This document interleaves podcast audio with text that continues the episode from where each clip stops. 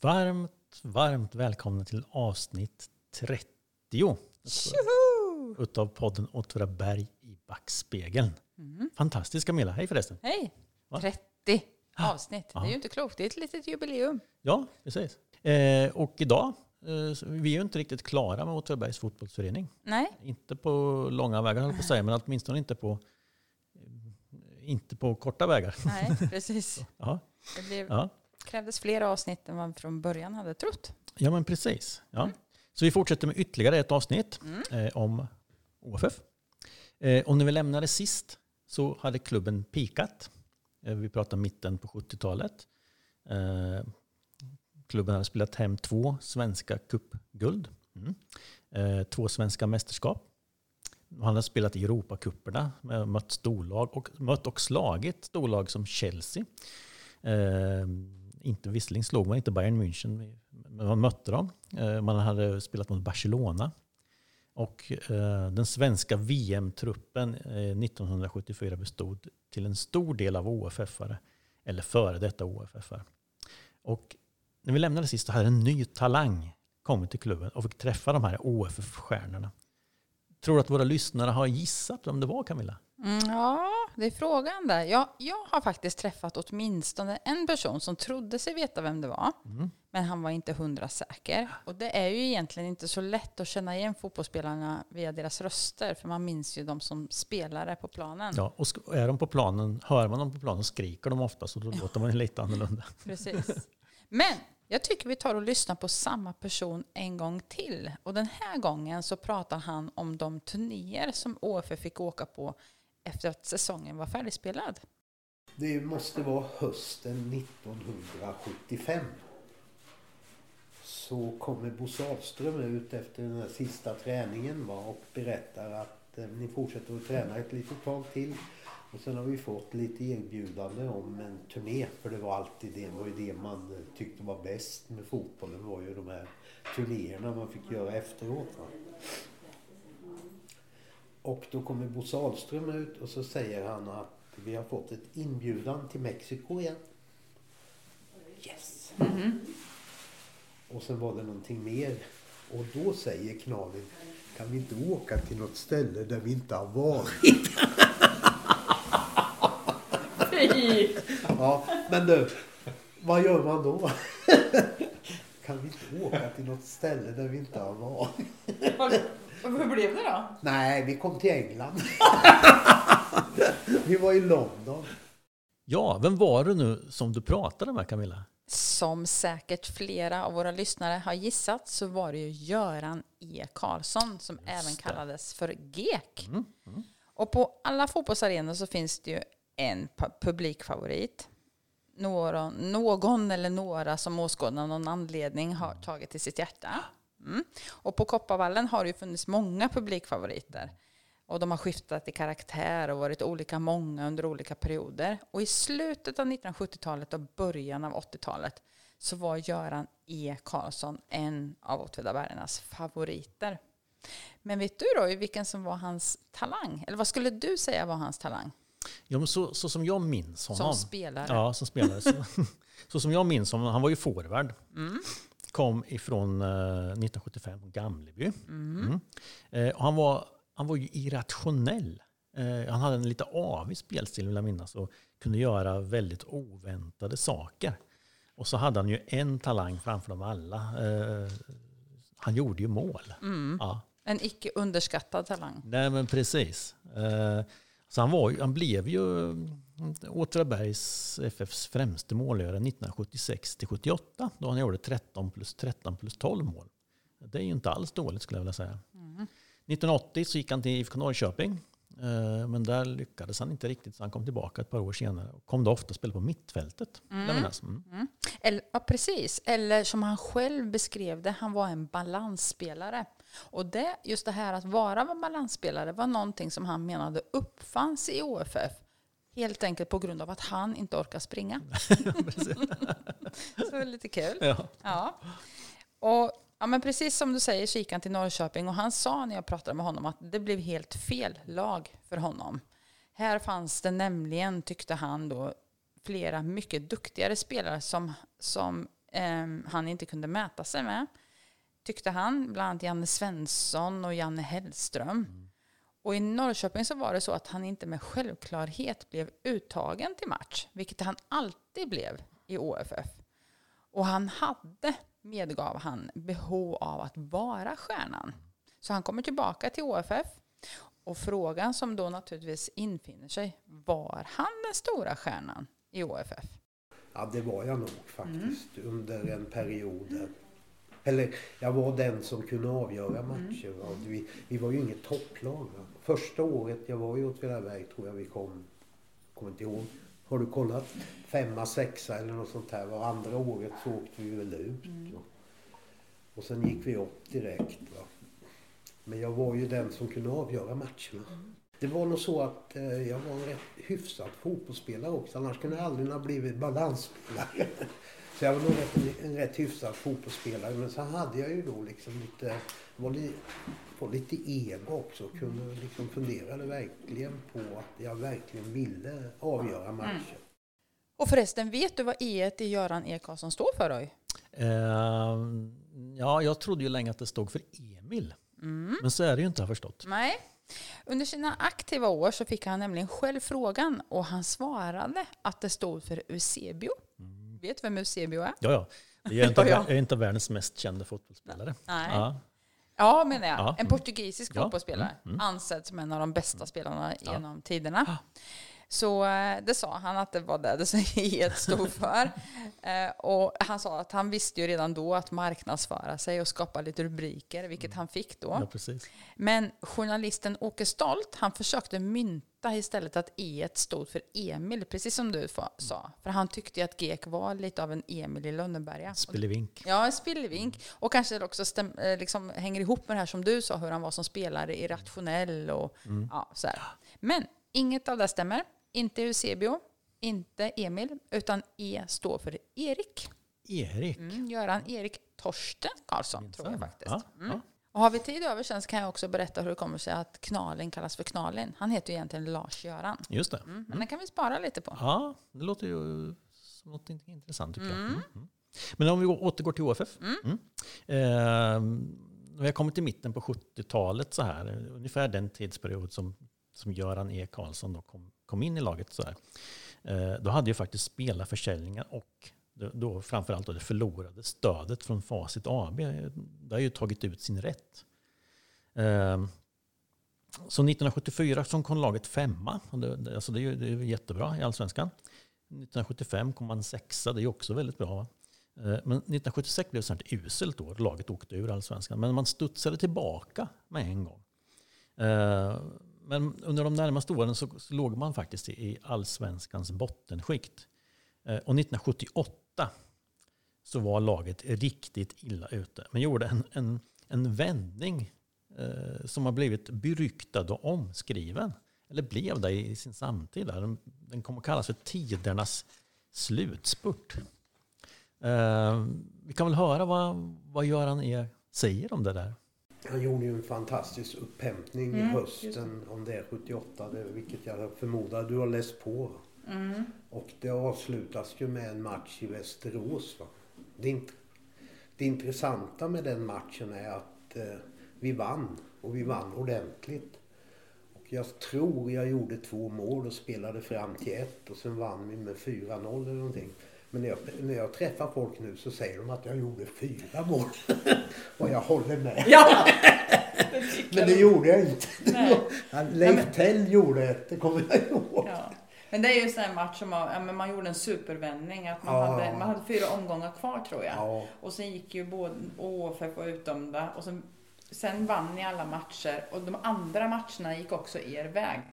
Ja, 1978 så kom man alltså 12. 1979 11. 1980 11, 1981 10 och 1982 så gick det helt åt skogen. Då, då ändrades OFFs allsvenska vistelse. Laget kom sist och fick kvalspela mot Mjällby, ett annat sånt här småortslag som, som, som OFF har varit många gånger eh, även sedan dess. Så ett kval som man då förlorade. Och så åkte man. Jag kommer ihåg det där, för, eller kommer ihåg, ska jag inte säga, men jag vet, jag har sett rubrikerna efteråt i, mm. i tidningarna. Bland annat Östgöten har en sån här man har gjort sorgkant på, på, på, på, på sidan, då, första sidan. Och så ser man hur de här OF-spelarna med böjda huvuden går av Kopparvallen. Och det liksom är dystert och dystert. Ja. Det måste ha varit hårt, för att Ja. man hade ju verkligen varit på toppen också. Ja. Bara några år tidigare. Ja, men precis. Mm. Ja. Men man höll sig ändå, man spelade bra i det som var division 1 Mm, då, då, mm. som kallas alltså snäppet under allsvenskan. Sådär. Eh, och man kvalade till och med till allsvenskan 1984. Men grejen var att OFF hade svårt att behålla sina spelare. Eh, och nästan varje år så, så hade man tappat någon av de här tongivande spelarna i laget. Då. Och 1989 så gjorde OFF en riktigt dålig säsong och laget åkte ur division 2. Aj, aj, Ja. aj. Och en som spelade de här åren som, kan, som, som vet hur det här var, det var ju den egna spelaren Thomas Liljegren som du har träffat Camilla. Mm. Jag gjorde debuten 84 Mm. mot Degerfors borta. Jaha. I, Kristinehamn. Nej, ja, vad kul. Ja. Ja. Eh, och så var jag med till sluta innan säsongen 91. Mm. Har, kommer du ihåg något särskilt sådär speciellt minne från de åren? Ja, det gör jag inte. Då när vi kom upp i A-truppen då, då var det ju ganska kända spelare och OFF var ju ganska nära, jag kommer inte ihåg vilket år det var riktigt när vi kvalade mot Trelleborg där, men vi var ju ganska nära att gå upp i Allsvenskan då. Och då fanns inte superettan? Nej. Nej, utan då Nej. var det division 1 ni spelade i när du kom norra, hem. norra och södra. Mm. Och sen eh, ja, men blir det så. Det var ju spelare som gick iväg till högre serier och, och ja, det gick ju nerför där sen i slutet på 80-talet. Mm. Ganska ordentligt. Så att, eh, det är ju synd att den var med då men, eh, ja, men jag hade jätteroligt när jag spelade fotboll. Det, var- det Men vilka var det som spelade när du kom med då? Vilka stora, för du sa att det var några stora spelare som spelade då, tyckte du? Ja men när jag kom upp då var det ju Jörgen Augustsson och Gek och Kalle Engqvist och Stefan Kullberg och alla de där var ju med egentligen då när vi kom upp. Så att, eh, det väl kul att spela med folk som har spelat VM 74. Mm, det var ju Tolla Liljegren. Och jag, när jag träffade Gek, eller Göran E. Karlsson då, så, som, så frågade jag honom, för han hade ju spelat med Tolla. Mm. Och jag läste snarare så här, jag frågade honom, hade, har, kommer du ihåg, spelar du med Tolla? sa jag. Och då svarade han spontant, ja tyvärr. Och sen kom det ett stort gapskratt. ja. Och sen sa han, nej vars, det var faktiskt en upplevelse att spela ihop med de där dårarna. det vill säga Tolla och hans Ja, tvillingbror precis. Mats. Mm. För det hände, sa Göran, alltid något extra med dem. Ja. De var ju nämligen inte sena att nyttja det faktum att eh, som tvillingar så såg de ju, eh, såg ju likadana Ja. ut. Det vet ju du, du spelar ju sam, Ja, du var ju också precis. 65 Ja. som dem. Mm. Och när jag träffade Tolla så passade jag ju på att fråga om de här upptå- upptågen som Göran pratar om. Vi mötte Södertälje borta, då fick, jag, fick brorsan varning i första halvlek och sen bytte vi tröjor eh, och sen fick han en varning i andra halvlek. Så att, eh, det är ju inte, det är inte många människor som har fått två varningar utan att bli utvisade. Så att, eh, ja, visst hade vi kul. Ja. Men du, nu kom jag på en annan sak. Var det inte så att det var, fanns en tidningsartikel där du kallades för Åtvidabergs Maradona? Det var när vi hade spelat mot Örebro borta och vann med 1-0 på Eiravallen. Och då gjorde jag väl antagligen en bra match och då, då, det var Håkan Stenbeck som var tränare då för mig. Då skrev han att Tolla är så här bra, tyvärr får han för sig att vara Maradona ibland. Tyvärr, vad, menar han med det? Ja, jag hade väl inte den tekniken direkt. Så att, Men du försöker, han såg att viljan Ja, fanns. ja. Jaha, ja, men det är ju riktigt roligt. Tyvärr får han för sig att vara Maradona. Tyckte du att Ola var en Maradona, Roy? Nej, Eller- det skulle jag inte vilja påstå. Han hade andra kvaliteter. Ja. Ja. men, jag menar mer, noterade du att han fick för sig att vara? Att han försökte? Nej, det vet jag inte riktigt jag Nej. skulle vilja påstå. Det Nej. kanske var lite... Han var ju en slitvarg och, och, och sådär. Ja, men precis. Ja, Mm. absolut. Och Ja. en, eh, en, Men det var en liten rolig ja, men, kommentar. ja, visst en jättevilja och, Ja. och huvud. Så här. Ja. Ja. Ja. Däremot kan jag tänka mig hans bror kanske. Matte kanske var mera Det Maradona-aktig. kanske, och det kanske var honom de menade, fast de tog fel. Det hände ju då. Ja, jag menar det. Ja, Ja. Det var matte. Vi skyller på honom. Ja. Ja.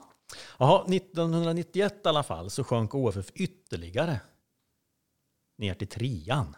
Oj, oj, oj. Ja, ja, precis. Och nu fick man liksom möta lag som Ceros, och Ramunder och Rimforsa och Malmslätt. Alltså lag som man, som man inte har mött i seriesammanhang på länge. Om man någonsin överhuvudtaget har mött de här lagen förut. Ehm, och det var liksom en tung period det här. 91, början på 90-talet. Eh, och utanför planen så var det tufft. Eh, satsningarna på, på under 80-talet att kunna liksom behålla allsvensk plats och ta klivet upp ifrån division 1 har ju verkligen kostat på ekonomin. Mm. Och, och, klubben var i en ekonomisk kris helt enkelt. Sådär. Och jag tänkte också det här du säger utanför planen var också tufft. Och det måste ju vara tufft även från vad folk i Åtvidaberg tyckte ja. nere i trean. Ja, men liksom. precis. Ja. De hade väl för, förväntningar, tänker jag. Ja, såklart. Och, ja. och um, inte nog med det. 1992 så brann klubbhuset ner. Just Ja. Uh, och mycket, mycket med det. Och man trodde ju länge att, att mycket arkivmaterialet hade brunnit upp också. Men så var det ju inte, utan det låg ju någon annanstans. Det låg faktiskt i kommunhuset mm. bakom i några lådor som man inte hade tittat i på länge. Där hade OFF deponerat mycket av sitt material. Så det, det, det, som brann upp, och det är ju sorgligt nog, det var ju pokaler och, och vimplar och, och, mycket av den um, ja, biten av ja, OFFs historia, ja. kan man säga. Så det var ju en oersättlig förlust för, mm. en, då för en redan hårt, väldigt hårt prövad förening. Eh, sådär. Men på fotbollsfronten började det ändå ljusna något. Eh, det hade växt fram en talangfull ungdomlig skala, skara spelare eh, som, som sakta men sakta började ta för sig och, OFF började också att resa sig. Eh, vi kan höra vad Steve Kreuz berättar. 1995 är vi då, eh, där det hösten också jag tror det var två, tre omgångar kvar där fyra lag kunde vinna serien in i det sista, in i sista omgången. Och den, den, det året så då kom vi underifrån. Då hade vi varit nere lite lägre och, och klättrat vidare.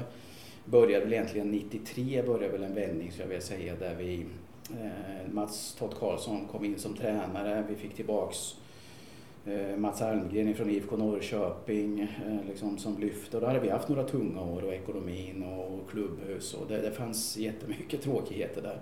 Men därifrån så lyfte det upp lite och sen så kom vi då till 95 där, där vi hade nosat tag, lite yngre killar ska jag säga, egna produkter. Vi hade bra kullar här som är födda mellan 74 och 76 här med Thomas Olsson och Christian Flik Bergström och de här kom in i, i grupperingen också och, och liksom lyfte med, med sin hunger i, i de här bitarna med oss några som har varit med några år tidigare. Då.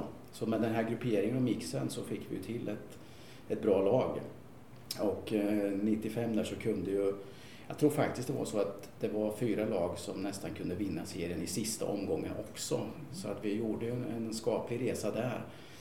Eh, och lyckades ju då, eller vi hade ju lite otur kanske på ett sätt, det var ju kommunalstrejk eh, som gjorde att vi fick inte spela på Kopparvallen sista, sista matchen.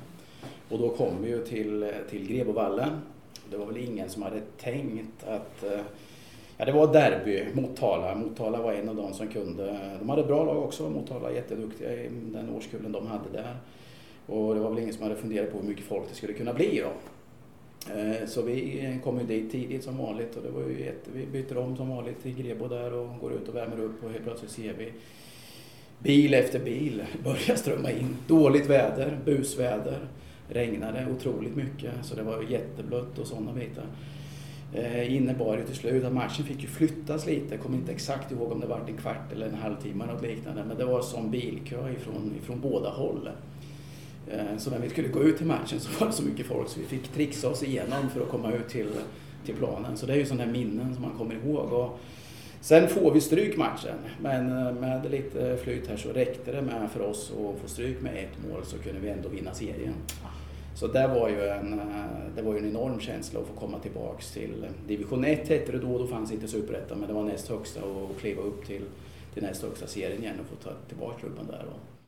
Ja, den vi hörde var alltså Steve Kreutz. Som hade, som, han har ju både spelat eh, länge i klubben och då också varit tränare mm. under perioder i klubben. Mm. Så, ja. mm. Eh, 1996 så kom laget tillbaka till division 1 igen. Och, eh, ekonomin var ju fortfarande hårt ansträngd. Eh, och det var nog faktiskt så att en konkurs var, var nära förestående. Den liksom hängde, det hängde som, en, som, en, som ett tungt mål ok över föreningen mm. det här med mm. ekonomin och sådär. Eh, ändå kom OFF 1998, det här minns jag eh, faktiskt. Det är ju väldigt roligt. så man kommer ändå att tampas om en allsvensk plats igen. Mm. Alltså man, man slogs då i toppen på division 1. Och, Det är ju och, ja, men precis. Och tidningarna började skriva igen om Mm. klubben då, som, som höll på att komma tillbaka. Och, eh, det blev en, nästan en riksangelägenhet och storstadstidningarna hittade hit. Och, eh, och tv-kanaler var här. Liksom. De kom tillbaka. Ja, men precis. Ja. Mm. Och under de åren eh, så började en spelare i klubben som idag är något av en ikon. Mhm. Faktiskt skulle jag vilja Mm. påstå. Ja. Eh, och så här gick det till. Men sen, sen har du inte bara spelat i Sturefors? Nej, Hjulsbro IK. Tre år. Så jag spelade fram till jag var... Vad vart det då? då? 16-17 år. Mm. Sen gick jag i Hjulsbro tre år och sista året var Mats Karlsson tränare, Mhm. Tott. Och då vart han tränare åt Åtvidaberg året efter och då sa han att han tyckte jag skulle följa med dit eh, och ge det chansen och jag följde med. Och vilket år var det? Eh, hösten 96 och 97 var mitt första år i Åtvidaberg. Okej. Ja. Och då låg de i... Åtvidaberg låg i ettan. Den person vi just hörde beskriva sin start i OFF var ju målvakten Henrik Gustafsson, det vill säga Fimpen. Just det. Mm. Och som du säkert har märkt nu och som lyssnarna också har märkt så är ju så att de spelare som jag har intervjuat, de, har ju, de hakar ju i varandra om man säger så. Det vill säga Gek, han spelade med Tolla. Tolla, han spelade med Steve. Och Steve spelade med Fimpen. Eh, Så jag har tänkt, och jag har gjort så att jag har frågat dem lite om varandra. Just det. sådär. Och jag tänkte att vi ska höra Steve berätta lite om Fimpen. Och vi har, eh, han, har ju, han är ju en otroligt eh, genuin människa och tränar ju, ger ju allt på träningarna. Alltså hela tiden fullt, fullt seriös. Eh, så den, den träningsnärvaro och eh, vilja han hade under träningarna var ju imponerande att följa faktiskt. Och se hela hans utveckling till allsvenskan. Eh, så den, det var väl många som trodde att han skulle lämna OFF och bli allsvensk fotbollsspelare redan tidigare då. Så det var ju mycket rykten runt de bitarna. Så det var ju kul att han fick ta sig dit. Men där har vi faktiskt en, vi hade en, en story runt eh, Fimpen med eh, skada. På den tiden var ju kanske man inte hade reservmålvakt som man bara plockade in och var lika bra som, som Fimpen. Så vi hade ett läge där han var knäskadad, nej lårskadad, förlåt, lårskadad. Eh, ganska kraftig lårkaka, det trodde vi ju då. Eh, så han tränade inte så mycket under en period men spelade matcher hårt, hårt lindad. Och då kommer vi upp till Borlänge och skulle möta Brage utan att jag kommer ihåg vilket år det är. Han fick ju slå insparkarna, träna insparkarna med andra foten och alla de här bitarna för att kunna spela matcherna.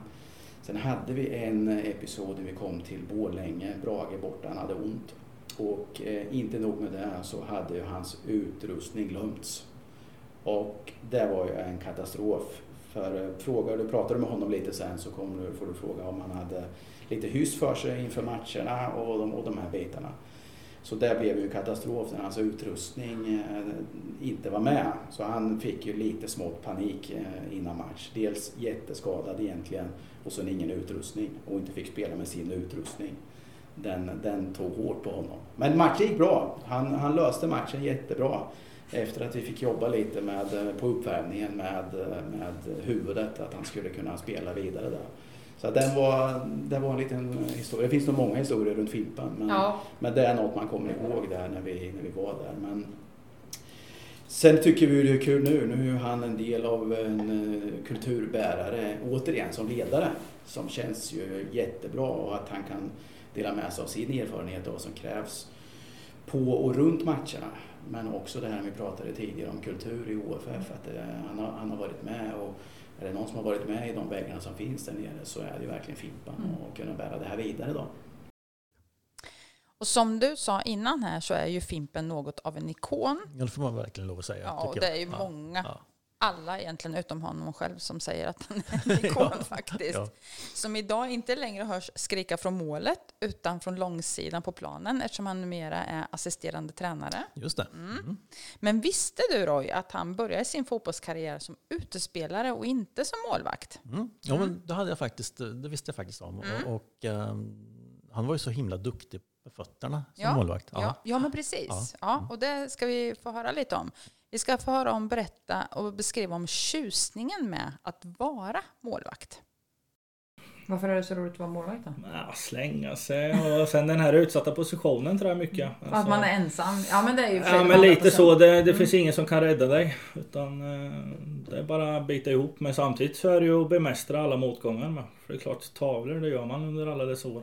Mm. Så det, men det är någon tjusning i det här att man är sista posten. Mm. Mm. Och du har varit en bra målvakt? Nej, det får andra säga. Ja, men det säger jag. Okej, Annars hade du inte varit... Ja, precis. Men vad är dina styrkor? Vad är, vad är det som gör dig till Nej men jag tror mina styrkor var väl just det där att jag har spelat ute innan så jag hade nog rätt god spelförståelse och just den här känslan av hur utespelare tänker i vissa situationer som kanske målvakter som bara varit målvakter inte vet om liksom och Mm. kan ställa sig in. Eh, och även spelet med fötterna som jag också fick genom att jag spelar väldigt mycket ute. Mm. Så eh, snabbheten genom att jag inte är så lång så fick jag leva på reaktion och snabbhet. Fimpen han, han har ju alltid fått höra att han är egentligen för liten, alltså för kort för att vara elitmålvakt.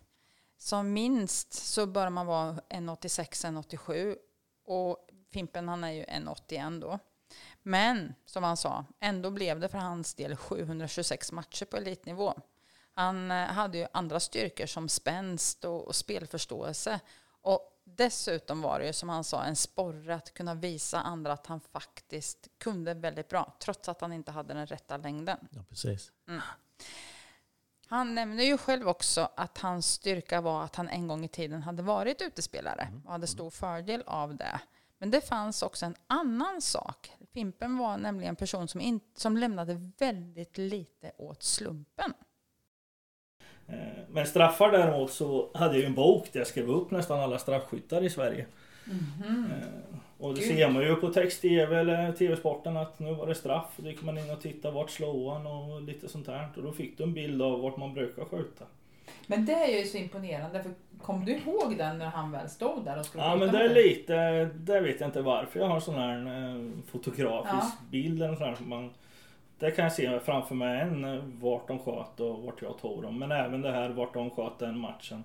Att de slår mitt högra nere och lite den biten. Så Men det var det- något jag hade lätt för Och med tanke på att du ofta är rädda så stämde väl också att de, att de fortsatte att skjuta på samma sätt? Då, Ja men lite var väl, eh, 30% var väl ren statistik, alltså att man har tittat var de har slagit. Sen fanns det ju Mm. sådana som inte visste. Men då är det ju så enkelt som statistik att en högerfot slår oftast i mitt högra hörn, en vänsterfot slår oftast i mitt vänstra hörn. Så hade jag inte sett honom förut så gick man ju oftast på statistik liksom. Att, ja. Sen är det ju, det sista är den här känslan med att man måste hitta den här känslan att ja, men han slår den där. Eh, Sen straffskyttar, ju en eh, jämnare match det är ju senare i matchen desto mer visar de ju vart de slår bollen. Så det var väl en helhet i det där att lite att man har stått som utespelare och vet lite hur man beter sig kontra ja, ligga bakom och kolla vart de brukar skjuta. Du psykar dem inte? Nej det gjorde jag faktiskt inte. Jag försökte stå still så länge som möjligt och bara vara helt still och inte hålla på.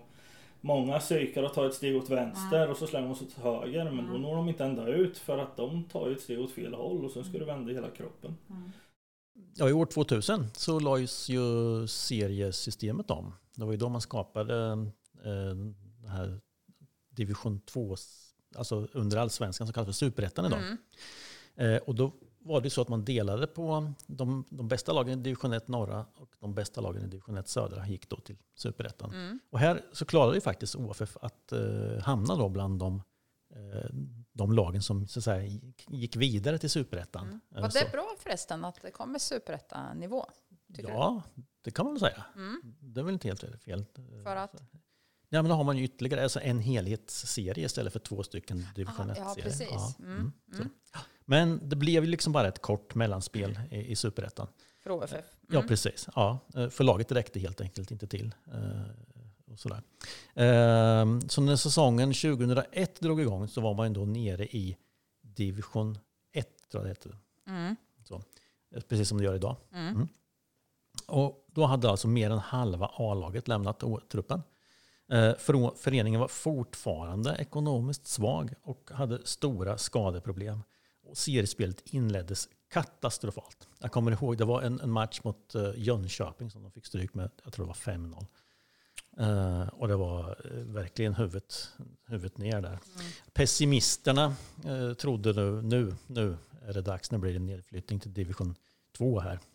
och menar att sagan var, var slut om OFF. Definitivt slut. Eh, och det var en sån säsong när OFs utveckling kunde ha tagit en helt annan riktning. Men vi hör vad Steve Kreutz, som då var tränare, säger om det här. Vi åkte ur direkt 2000. 2001 fick vi möta Jönköping Södra och då kom vi i ett läge som Åtvidaberg har varit vid flera tillfällen efter. Vi tappade egentligen hela, nästan hela truppen förutom några trotjänare som jag tycker är viktigt att ta med sig. Att det, jag tror det är där vi kanske de senaste åren har liksom tappat att eh, även stommen som har funnits av, av ledare har försvunnit. Då hade vi ändå ett, eh, två, tre, fyra stycken som, som blev kvar som var riktig stomme och eh, kunde lyfta de här yngre som kom in. Men då, som du säger, så fick vi jättestryk eh, första, första matchen hemma. Med många unga egna produkter ska vi säga.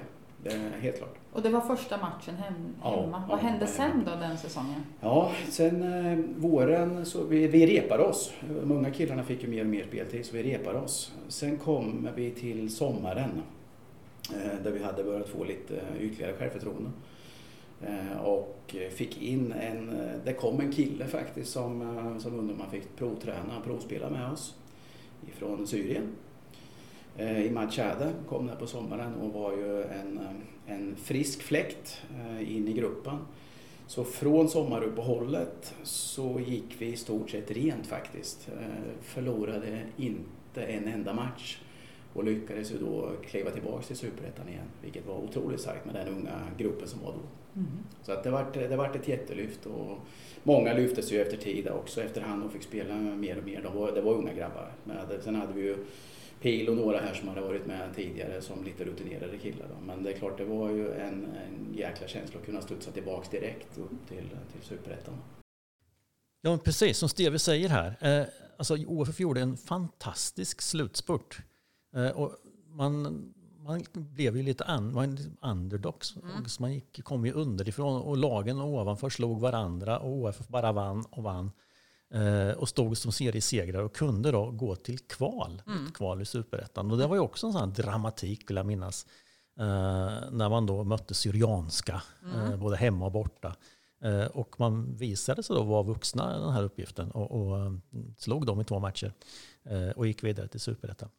och återigen då, det finns, det finns ju som en kärlek från många i landet till de här små eh, bruksortsklubbarna och I det här fallet så, så, så skriver ju tidningarna kommer och, och, och, och, tv här igen och man skriver upp laget och så här. Mm, ja. mm. Och liksom OFF-laget som aldrig slutat förvåna, som på något sätt alltid lyckas ta sig tillbaka till svensk toppfotboll. Men nu lyckades i alla fall ett OFF etablera sig i superettan. Och 2003 så inleddes då någonting som man verkligen trodde skulle bli lyftet. Då. Ett ekonomiskt och sportsligt samarbete med Djurgården. Svenska, svenska mästarlaget Djurgården var ju allsvenska mästare då. Och allt såg ju betydligt ljusare ut helt plötsligt. Då. Men eh, förhoppningarna om att bli ett riktigt topplag i Superettan infriades ju tyvärr inte. Eh, man, man, ja, man, man, man, höll till i mellanskiktet där så att säga. Då. Och det var väl inte riktigt vad, vad alla hade hoppats på, vad jag förstår. Eh, och ekonom, ekonomin var fortfarande skakig. Eh, och det var i det här sammanhanget som, som det kom ett förslag om att OFF skulle spela sina matcher in i Linköping. Och, Just och, den ja, mm. och det blev ju ramaskri bland ja, såklart. Ja. Herregud. Ja, och det, det kan jag förstå, för man, man är ju på något sätt sin hemmaplan. Ja, och, visst, och så här. visst. Ja. Eh, 2006 så bröt eh, samarbetet med Djurgården, eh, framförallt på grund av OFFs svaga ekonomiska utveckling. Eh, men de sportsliga framgångarna kom ju inte i seriespelet utan i kuppspelet. Och det här är ju också lite av en fantastisk eh, händelse. 2005 så gick man, man gick alltså till final i Svenska Cupen. Eh, där man mötte då just eh, Djurgården. Det kanske som är det då- som är förklaringen till att de bröt samarbetet året därpå. Komma här och slå dem. Ja, precis. Ja. Ja. Ja. Det gjorde man ju inte tyvärr idag, utan man, man, man spelade i finalen och fick stryk. Med man 2-0. fick stryk. Ja, ja Mm, precis. okej. Ja. Man gjorde en väldigt bra match, vill jag minnas. Jag jag var på och såg den där. Eh, men andra platsen i Svenska cupen innebar då att OFF eh, under 2006 och så året efter fick delta i Uefa-cupen. Eh, och då, första motståndare var ett lag från Luxemburg, FC Etzella, som man avfärdade ganska lätt med 4-0 hemma och 3-0 borta. Oj, oj, oj. Ja. Och i andra omgången så ställdes man mot norska serieledarna Brann och det var ju en betydligt tuffare uppgift. Eh, och där fick man inte heller spela. Man fick inte spela på Kopparvallen för den höll liksom inte europeisk fotbollsstandard. Så, så Brann mötte man på bortaplan i Norge men också sen på hemmaplan i Växjö. Eh, och eh, OFF gjorde ju lite av en bragd där. Man spelade 3-3 borta. Förlåt, man spelade, spelade 3-3 hemma och följde upp med 1-1 borta. Så. Vilket då innebar att man då hade, att man hade då tagit sig vidare till, Mm. till eh, Mm. Ehm, Fortsättningen. Ja, men precis. En liten bragd. Mm. Och OFF var liksom, det här är det fantastiska delen. OFF var det enda svenska laget som har gått vidare i någon europeisk cup. Ja, inget allsvenskt lag, utan OFF var det enda. Ja, Ja. ja. Ehm, och i första omgången fick man då möta Grasshopper Club Zürich. Och där, de, de var liksom för bra. De, de rubb, kunde man inte rubba ens en gång. Man fick stryk med, med 0-8 sammanlagt. Här. heter laget Grasshopper? Mm. Gräshoppa? Ja. No further question. Men, men det var ju en fantastisk händelse där. Ja, Alltså, ja, ja. Ja. Och det här, det här blev ju ändå starten på ett par riktigt, riktigt bra år. Mm. Eh, som toppades då 2009. Ja, alltså 09 var ju ett speciellt år eh, när vi gick upp i Allsvenskan. Eh, och då är det väl två minnen som är extra, en sekvens och ett minne. Och minnet är ju absolut Vasalund borta. När vi gick upp i Allsvenskan och allt folk som var där från Åtvidaberg, det var ju helt magiskt. Eh, och sen hade vi faktiskt, eh, den jag levde ihop med då, hade även åkt upp med mina två grabbar som dök upp där utan att jag visste om det fem och tre år gamla som var med på läktaren jag visste om det. Så det var en fantastisk upplevelse. Eh, så den, eh, den matchen är speciell i mitt hjärta. Och sekvensen, det är ju IFK Norrköping borta samma år. Eh, när vi ligger under med 2-1 och de får ett friläge 92. Och jag lyckas ta det och kasta ut bollen fort. Och sen blir det en långboll från Pontus och sen en skarv och sen gör Prodell 2-2 i 93. Ja, Allt det här sker inom 20 sekunder. eller något. Den sekvensen är... Den kan man se tillbaka på ibland. Ja, OFF hade, då blivit klart för allsvenskt, allsvenskt spel efter mer än 30 år nästan. Ja, ja. eh, eh, men det blev bara ett mellanspel. Mhm. Eh, Så eh, vi spelare kanske var mer färdiga för Allsvenskan än klubben i sig. Med Kopparvallen då som var med gräs som var vattensjuk. Och den biten, vi hade ingen konstgräsplan i närheten för försäsongsträning. Så 2010 satt vi och pendlade till Boxholm till deras konstgräs. Och det är liksom 22 mil tur och retur en vardagskväll. Eh, Eller en kväll i, i dåligt väglag. Så det, det var väldigt mycket runt omkring som kanske inte riktigt var färdigt och det var kanske inte det vi behövde som nykomlingar eh, 2010. Att det var så mycket runt omkring som inte liksom klaffade. Eh, vi fick åka till Norrköping och träna mycket. Eh, sen var det ju klassiska snökaoset där i början av 2010. Det var ju fullt med snö. Första matchen var det ju de fick skotta plan eh, en vecka innan Gävle-matchen där eller dagen innan för att få igenom den matchen. Så det, det var mycket som gjorde att vi, vi var inte riktigt där. Både som klubb men även träningsmässigt förberedda för Allsvenskan 2010. Så då var det ju en eh, taskig inledning som vi liksom aldrig hämtade oss ifrån. Vi var ju trots allt i kapp eh, till slut men det vart ju målskillnadsaffär som åkte ur på. Men trots det så var OFF ändå där i allsvenskan för att stanna ett slag. Mm. Och 2012 var man tillbaka. Eh, och man gjorde tre riktigt bra säsonger med, i Allsvenskan med tre åttonde platser. Eh, och vi har, vi har Fimpen igen, hör vad han säger.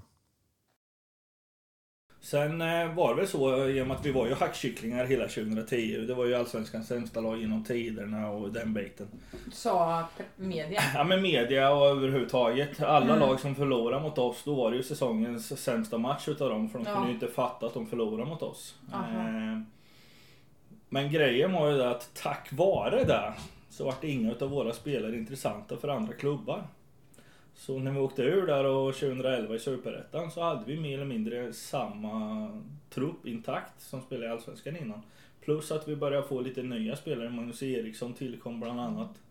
Eh, som gjorde att vi kunde spetsa våran trupp från Allsvenskan och då var vi ändå i fatt de sista lagen i slutet där. Som gjorde att vi kände att det här kan bli bra. Så den lärdomen 2010 gjorde att vi var bättre rustade 2012 när vi kom tillbaka. Eh, både som klubb och spelare. Så det var ett nödvändigt skitår 2010 för att vi skulle få de här 2012, 13, 14. Som var extremt bra. Och det var kanske för bra med för att vara i Åtvids storlek. När vi ändå kom åtta de åren. Men som det också gjort förut så rasade det igen och det gjorde det snabbt. Laget ramlade ur och fick spela Superettan 2016. Men sen åkte ni ut 2015. Hur kändes det då? Ja, för mig som inte var så ung längre så gick väl eh, luften ur lite då. Att man kände att nej, hade man varit där och spelat trots allt på de här, mot de här lagen och allsvenska arenorna så för mig var det tufft att försöka motivera och starta om i Superettan igen. Eh, Så då kände väl jag att det fick vara klart för min del. Eh, Att suget inte fanns där riktigt. Eh, Så det var ju ett par äldre som slutade samtidigt där. Sen vart det en liten eh, om... Nej, ja för mig kanske, men en liten annorlunda i klubben där det var vart lite manager, det vart lite annat sätt att värva Mm. spelare och vi hittade inte de här guldkornen som man gjorde innan. Mm. Så tyvärr kanske klubben fick lida av att det gick för bra ett par år. Eh, att folk bara förväntade sig att vi skulle hitta de här guldpärlorna hela tiden.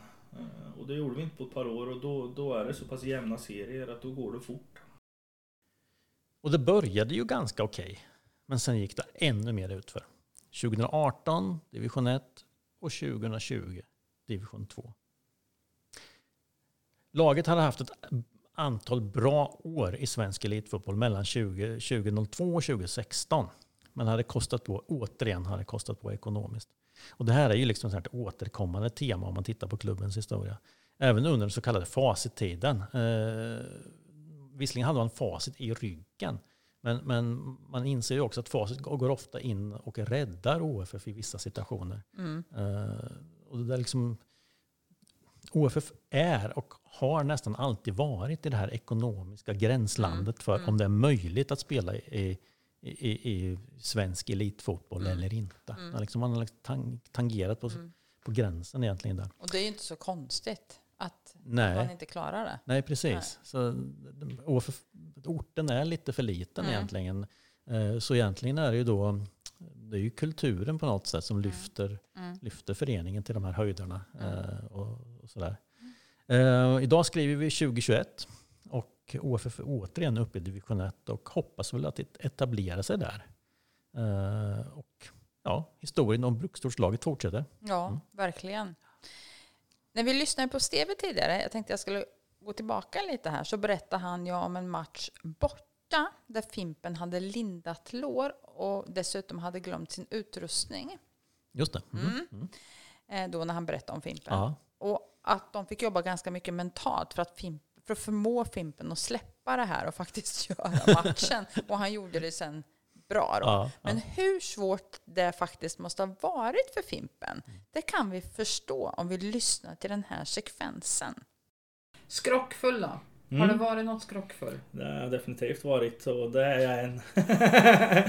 Nej men jag vet inte ifall man ska säga skrockfull. Många säger att man går in i matchbubbla. Ja, Eh, kalla det vad du vill, men vad gör du var- vill jag veta? Nej herregud. Ja. Vad gör du inte? Ja. Vad gör jag inte? Nej men samma plats. Samma plats i bussen.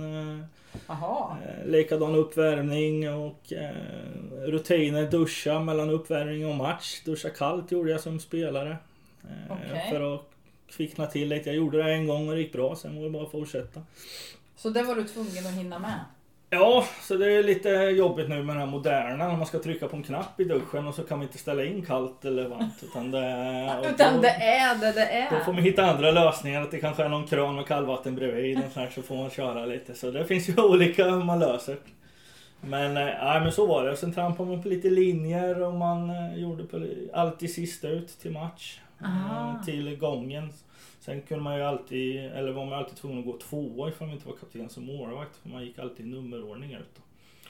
Eh, så Men omklädningsrummet kunde man gå sist ut till själva tunneln då. Sen fick man gå fram och ställa sig på sin plats. Och det roliga är att du säger att man kunde. Det här är ju bara du och dina fötter, eller hur? Ja men det, det var väl många som fick lära sig att det var bara illa läget Ja, att jag gick jag sist. ja, men att, precis. eh, Så det. Ja, och jag tänkte också på den, din plats i bussen. Mm. Hur många var det som vågade testa på att ta din plats i bussen? Nej men det där är genom att jag ofta går på i Linköping men när man åker på bortamatcherna Mhm. så var man lite sådär ifrån någon satte sig. Men då hade vi ju en lagledare som hette Thomas Björk som var med ett par år att han sa till att där behöver ni inte sitta för eh, där ska en annan sitta sen. Så det, var- oftast var det som man gick på bussen så var det tomt redan. Det var ingen som satt där. Ja, Och det funkar ju i 20 år ungefär. Så det, Det är underbart. Ja. Men det här med klädsel och färg på kläder och så. Har det, varit något? Ja, det är klart. Det, det har ju haft förmånen att få styra lite själv med en bra Mm. samarbetspartner. Nej men eh, vitt. Jag gillar alltid att spela vitt. Mhm. Vita skor, eh, gärna vit, eh, vita matchtröjor och även handskar. Och så blir man ju väldigt skitig.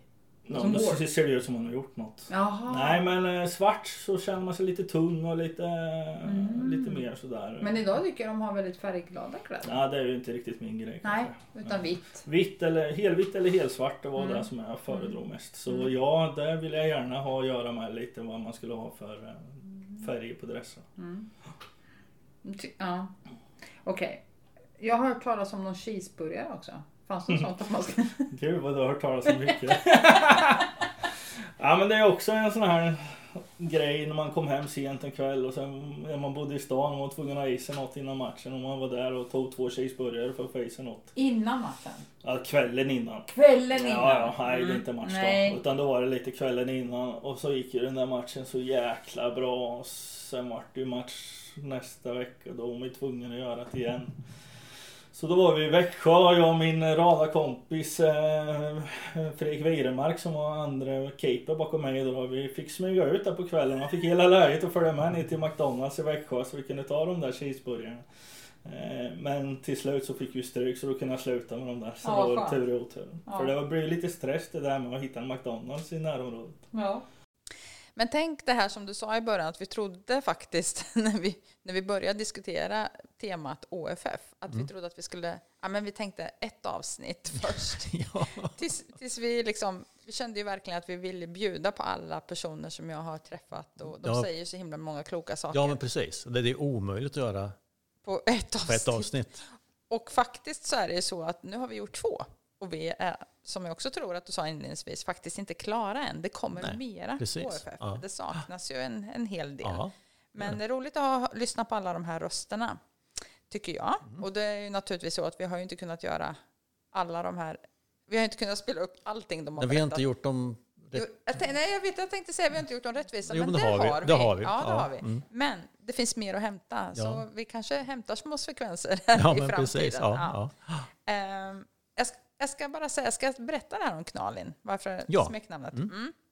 Han berättade nämligen för mig att det, det smeknamnet fick han så mycket liten pojke, kanske fem sex år. Jag tror att det var så att han var hos sin farmor och farfar, eller i alla fall några släktingar på deras lantställe.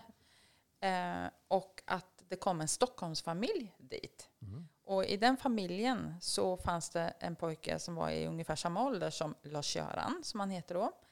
Eh, och hur det än var så lekte de ju fint, men kom efter en, efter en tid som, som så ofta händer i lite ja, spörsmål eller i slagsmål. De helt började enkelt. bråka helt De enkelt. börjar Ja. bråka helt enkelt. Ja.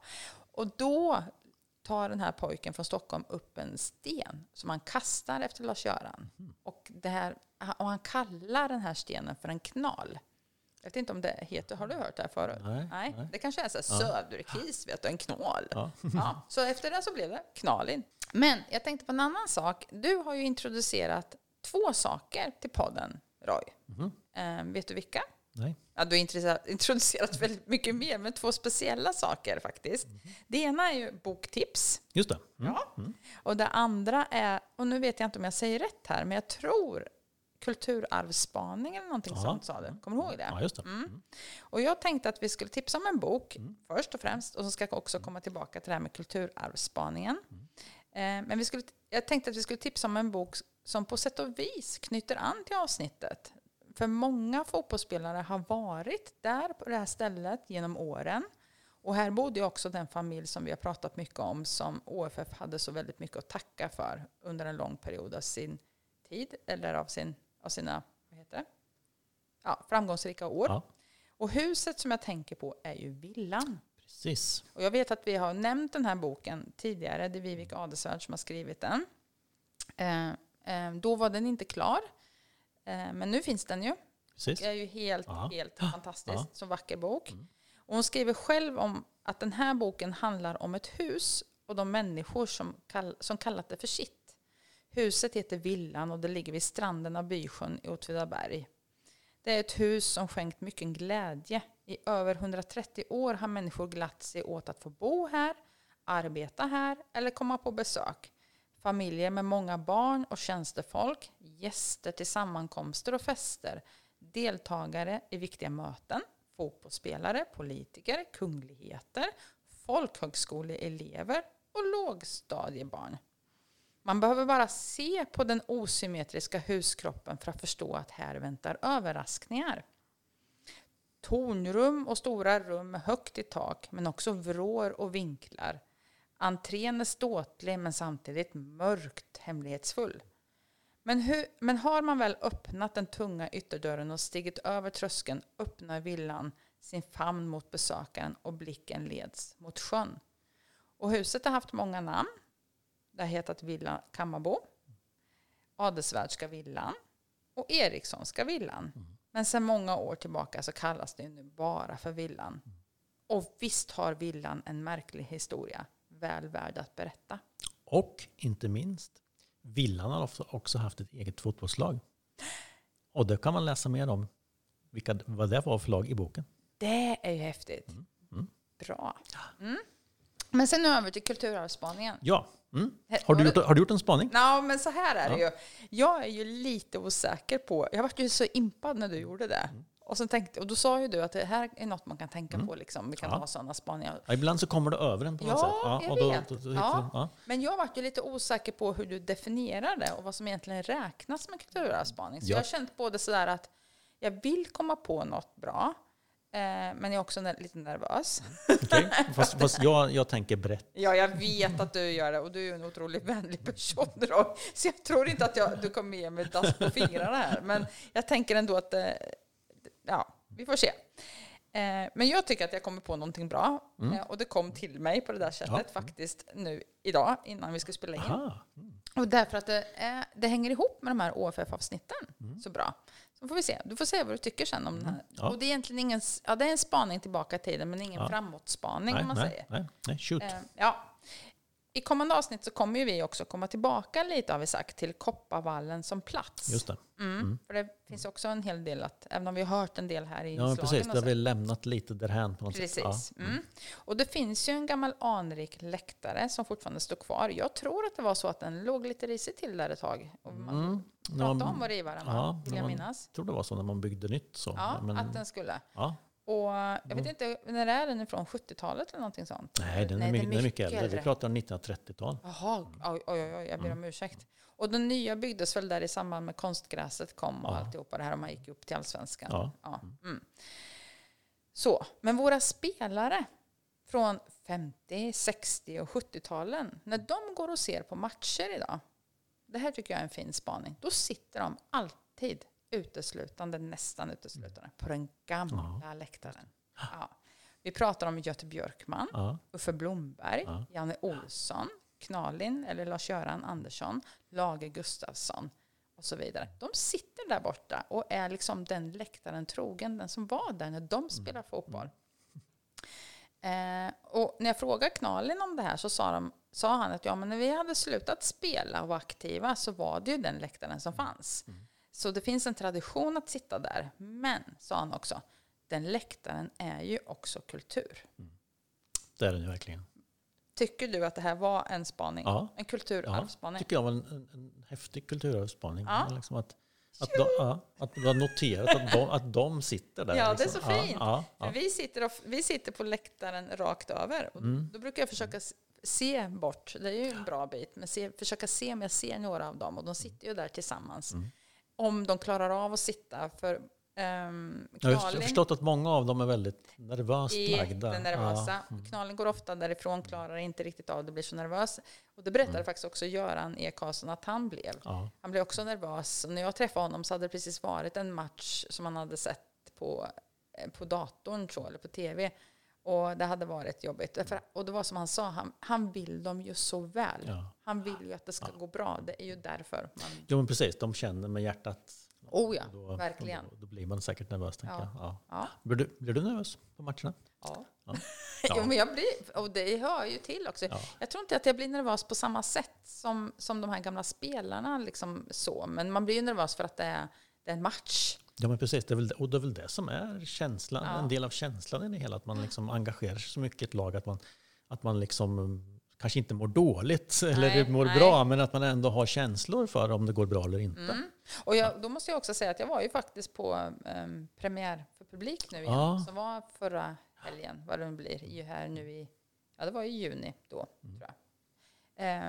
S- så det var ju härligt och då tänkte jag, nu är det sådär igen. Att, för vi jublade ganska mycket, 468 personer på läktaren, det var 500. Mm. Ja. Att det kanske hörs ut nu igen, så här som jag tycker att det ska höras när det är match på Kopparvallen. Man hör spiken och man hör Ja, men det är en sån här sak som jag kommer ihåg från när jag var riktigt liten. Att, att hemma på Valkaregatan då kunde man höra när Ja. OFF gjorde mål. Ja, det är så underbart. Ja. Men du, då säger vi så för den här gången. Ja, vi har inte tömt ämnet än. Nej. Eh, och vi kommer att komma tillbaka till OFF. Mm. Men eh, för tillfället Så är vi klara. vi Då säger vi hej då!